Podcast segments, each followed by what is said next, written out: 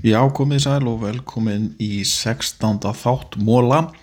Ég er með 5 góða fréttamóla í þessari viku eins og venjulega. En þetta er sem fyrir Magnús Haldursson sem talar frá Körkland í Washington ríki. Ég er búin að koma mér upp hér ágættis, stað til að horfa yfir sviðið og fjalla sérstaklega um einhverja alþjóð, einhverja alþjóðlega atriði sem mér fannst áhugaverði í vikunni og umræðunni uh, í pressunni. Og ég ætla að byrja á móla sem ég kalla nú bara 2020 en í þessar viku komi út svona fyrstu úttektinnar í mörgum sérfræðaritum sem er að rýna í það hvað verða stóru málir á næst ári og meðal annars sendi The Economist frá sér álegt blaðsitt þar sem að spáir í spilin fyrir komandi ár og þar eru nú stóru málin frekar kunnuleg. Það er verið að velta fyrir sér hvernig kostningabarátan í bandaríkjónum fyrir fórsetakostningarnar í november hvernig hún mun spilast og hvað áhrif hún mun hafa á heiminn. Og líka það þegar, þegar Brexit mun verða framkvæmt formlega hvað áhrif það mun hafa. Og ýmsar hliðar þessara atriða á, á umheiminn og hvernig, hvernig hann mun þróast með, meðal annars út af þessum tömmu þáttum. En síðan eru líka önnur atrið meðal annars er fjallað um, um það að því er spáð að það verði stórt mála árunni 2020 hvernig, hvernig farið er með gögn og því spáð að regluverk verði hert og það geti haft mikil áhrif á, á tekníkeran og svo framvegis en, en þessi stóru mál sem að standa uppur í alþjóða stjórnmálunum eru uh, svona framkvæmdin á Brexit og hvernig það mun koma fram. Og margt í þessu er tölvöld mikið áhyggjumál myndi ég segja fyrir Ísland því að við erum mjög háð því að alþjóðaðiskittin gangi smurt og það sé ekki verið að búa til tollastríð og tollamúra. Og uh, bandaríkin eða svona eins og stjórnmála staðan hefur verið að þróast þar þá finnst mér sjálfum frekar líklegt að það hefði mjög tvísina kostningar í november og Trump uh, hafi svona kannski 50% líkur eins og staðan er núna í að ná nælum byrji segl til þess að halda áfram uh, í fjóru ári viðbót.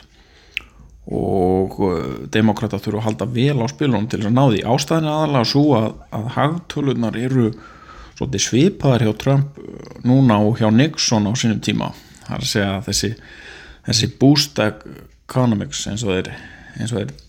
kalla þetta þessi boost stjórnmál það sem er verið að horfa svolítið til skamstíma og nýta skattkerfið til þess að, til þess að boosta hagkerfið gera atvinnulegistöluðan lagri og svo framins þetta er að, er að falla þokkalega með fórsendanum það er lagsta atvinnulegis í, í 50 ár og margt annað sem að hefur haldist nokkuð gott og þegar allt kemur til alls þá mun þetta hafa áhrif á fórstakostningarnar alveg óháð öðrum deilum og hvað manni finnst um það er þannig að ég held að þetta framöndan er já, tvísina kostningar og það er eitt af því sem að The Economist trefur hérna fram að, að það geti bara orðið mjög tvísind hvernig þetta þróist og það geti haft mikil áhrif á stöðumála annars þar varandi brexit þá getur það leitt til, leitt til einhvers konar uppgjörs innan Evrópu. Þar segja aðra þjóðir getur fengið einhvers konar býr í segli að breytar komast nú vel út úr sambandinu og, og, og þetta reynist vera gott skref fyrir Breitland þó það sé enga meginn hægt að segja til um það. Þá þá getur það leitt til þess að það verði einhvers konar uppbrót á markaði í Evrópu og The Economist segir að þetta geti leitt til erfileika þannig að þetta er nú forvittnilegt að sjá hvernig næsta ár mun, mun spilast. Vonum það besta. Móli nr. 2 er, er Kína en einu sinni. Því að ég hef verið að fjalla mjög mikið um tollastri í bandarækjan og Kína og áhrif þess á, á, á umheiminn og ekki síst á Ísland. En tollastriðið Kína er að hafa mikil áhrif neikvað áhrif á framgang efnahagsmála að matri lang flestra sem að skrifa hann um þetta. Og í síðasta þetti fjallaði aðeins um það virtist sem að vera að koma fram enginni á því að mögulega væri þetta tollastrið að leysast en það er hins vegar óhætt að segja að það sé erfitt að spá fyrir um það því að það er alltaf einhverjir nýjar og nýjir snúningar sem koma fram sem leiða svo til þess að stríðið er að halda áfram. Í stuttu máli þá hefur tollastrið leitt til erfileika bæði í Kína og í bandaríkjónum og viða um heim vegna viðskipta hindrana sem að það tollastrið hefur kallað fram sem hefur síðan keðuverkandi neikvað, neikvað áhrif á alþjóðlu viðskipti. Og það er ekki margir sem græða þeim. Eiginlega engin þannig að þetta eru uh, já, hefur bara mjög mikil neikvað áhrif um allan heim og hvað Ísland var þar þá má nefna að hér í síall er tölvöld mikið skrifað um tollastrið Kína og bandarækjana og meðalans áhrif þess á kyrsendingun á Maxfílunum frá Boeing. En kínverjar eru sagðir í þessum umfyllunum verið að nýta sér þessa stöðu að því Boeing er starsta útflutningsfyrirtæki bandarækjana þá eru kínverjar hafa verið ekki beint verið að sína neina tilslakarnir í kyrsendingu og og voru fyrstir til þess að lýsa yfir alþjóðlega kyrsendingu á þessum vélum og verðast vera að nýta sér þetta að einhverju leiti í tollastriðinu við bandaríkin. Þannig að það er líka forvöldnilegt að þetta hefur alls konar áhrif og það má tengja þetta meðal annars afurðaverða á sílikonni og kísil og, og, og síðan Max, Vilon og Boeing þetta hefur áhrif á Íslandi. Þannig að tóllastir í Kína og bandarækjana er ekki leist enn en eins og með voninnar fyrir 2020 þá vonum við nú það besta. Númið þrjú er innviðir og ofsaveður en þegar þessi þáttur er tekinu upp þá eru, eru ofsaveður að ganga yfir Ísland og allra auðu á viðaukortunum og, og viður spámunum og mikilvægt að sjá það hvað við, hvað við erum háð góð, góð viðauspám og almannavarnir er að er að grípa til aðgerða á manni manni finnst svona áhugavert hvað þetta eru orðið viðtakt samstáru millir allra, allra þeirra sem koma að slíku. Mörg önnu ríki glímaðu þetta við náttúruhamfarir og, og veðurossa það er áhugavert á Íslandi þó eitt af því sem maður hefur átt að segja á er hvað við höfum sterka innviði í mörgu, jafnvel þó við upplifum ramarsleysi og erfiðleika með ramag þegar vondviður gengur yfir þá er víða um heim innviður í rávorkukerfum mjög slakir þá meðalans við um bandaríkin þar sem að ramagn er ekki í jörðu eins og við hefum að venjast heldur, heldur ómajarðar og oft á tíðum er bara eru innviðni mjög slakir. Þetta er til dæmis mjög stórt mál í stjórnmálum hér í Washington ríki þar sem að er komin tími á og rávorkukerfið að endur nýja það. Og það er óhætt að segja að, að uh, hér séu nú miklu peningar þannig að það er vel hægt að gera þetta. En spurningin er hversun er það ekki gert? Og meðal annars koma þar inn deilur milli, milli ríkisins á, á sagt, uh, ríkinsvaldsins og síðan Washington ríkis um það hver er að borga. Því að þetta eru gríðalega upphæðir sem að þarf í að endur nýja rávorkukerfi og þetta er eitt af því sem að uh, stendur samkjöfnishefni bandarækjana fyrir þrifum, það eru slakir innviðir í orkumálum meðal annars, þetta eru stórt máli í stjórnmálum. Það eru uh, eins og má gera ráfyrir þetta að vera stórt máli í, í fórsættakonstingum næsta árs. Það eru upphæðin sem má að fara í innviði. Þannig að þetta er í vondu, vondu veður á Íslandi með og getum við þakka fyrir að vera með gott rávorkukerfi, það er ekki allir með það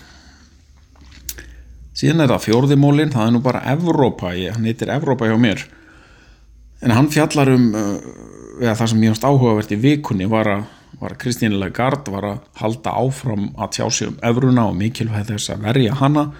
og hversu mikið gagn Evran hefði gert fyrir Evrópu á undarhundum áratöð ekki síst frá fjármála, fjármálakreppunni. En það hefur verið gríðarlega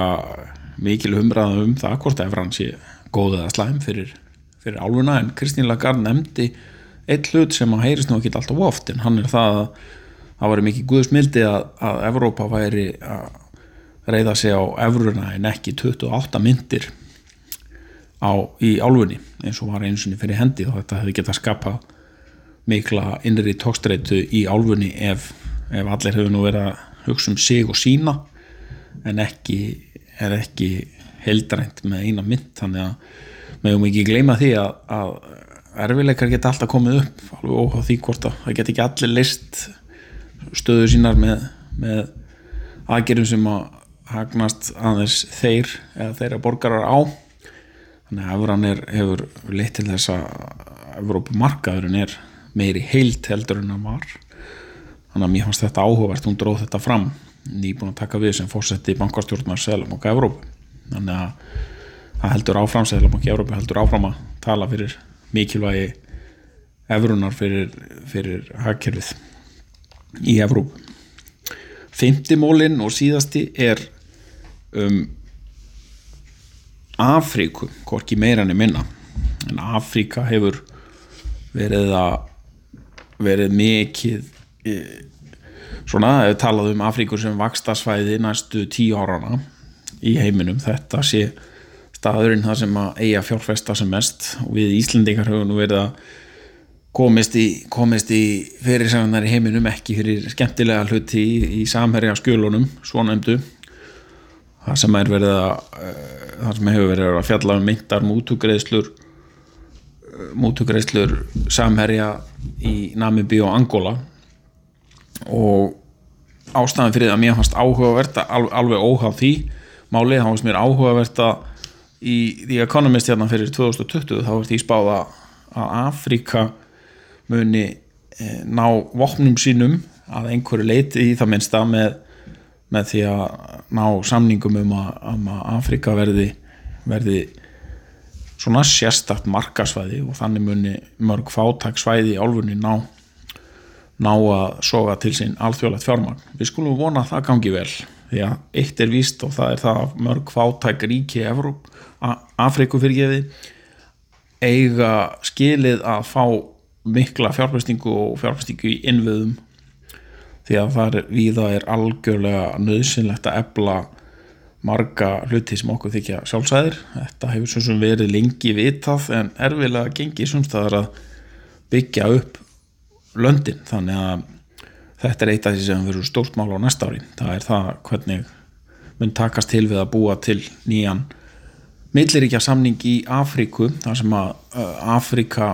mun koma sér á borðið með, með sérstaklega samningi milli aðeidaríkja í Afriku sem heiga sem á að auðvelda viðskipti í álunni en það hefur verið erfitt að byggja upp mörg fátak ríki í álunni meðan önnu ríki hafa náð betri fótfestu en það er það eru mikil tækifærðar og, og líka mikið ungu fólki þannig að Afrika hefur mikil, mikil tækifærði til þess að vaksa og verða betra land. Þetta er eitt af því sem að Bill Gates stofnandi Microsoft hefur verið að halda fram að ef að fjárfæstar myndinu bara þóra að fjárfæsta í Afríku meira þá væri álvan að á getum farið á flegi ferð og skipa mjög stór hlutverki eða fátækt á komandi árum. Svona 10-15 ár hort fram í tíman þá sé nöðsynlegt að ebla alþjóðlega fjárfæstingu í Afríkuríkjum. Og vonandi mun, mun það takast því að það er ekki eitthvað sem að hefur gengið nægilega vel þrátt fyrir mikla framfærir betur má eftir duga skal eins og sagtir en ég verð hér aftur í næstu viku með fimm góða móla. Takk Takk fyrir að hlusta á hlaðvarp kjarnans. Þú getur sótt fleiri þætti um allt millir heimins og jarðar á vefnum kjarnin.is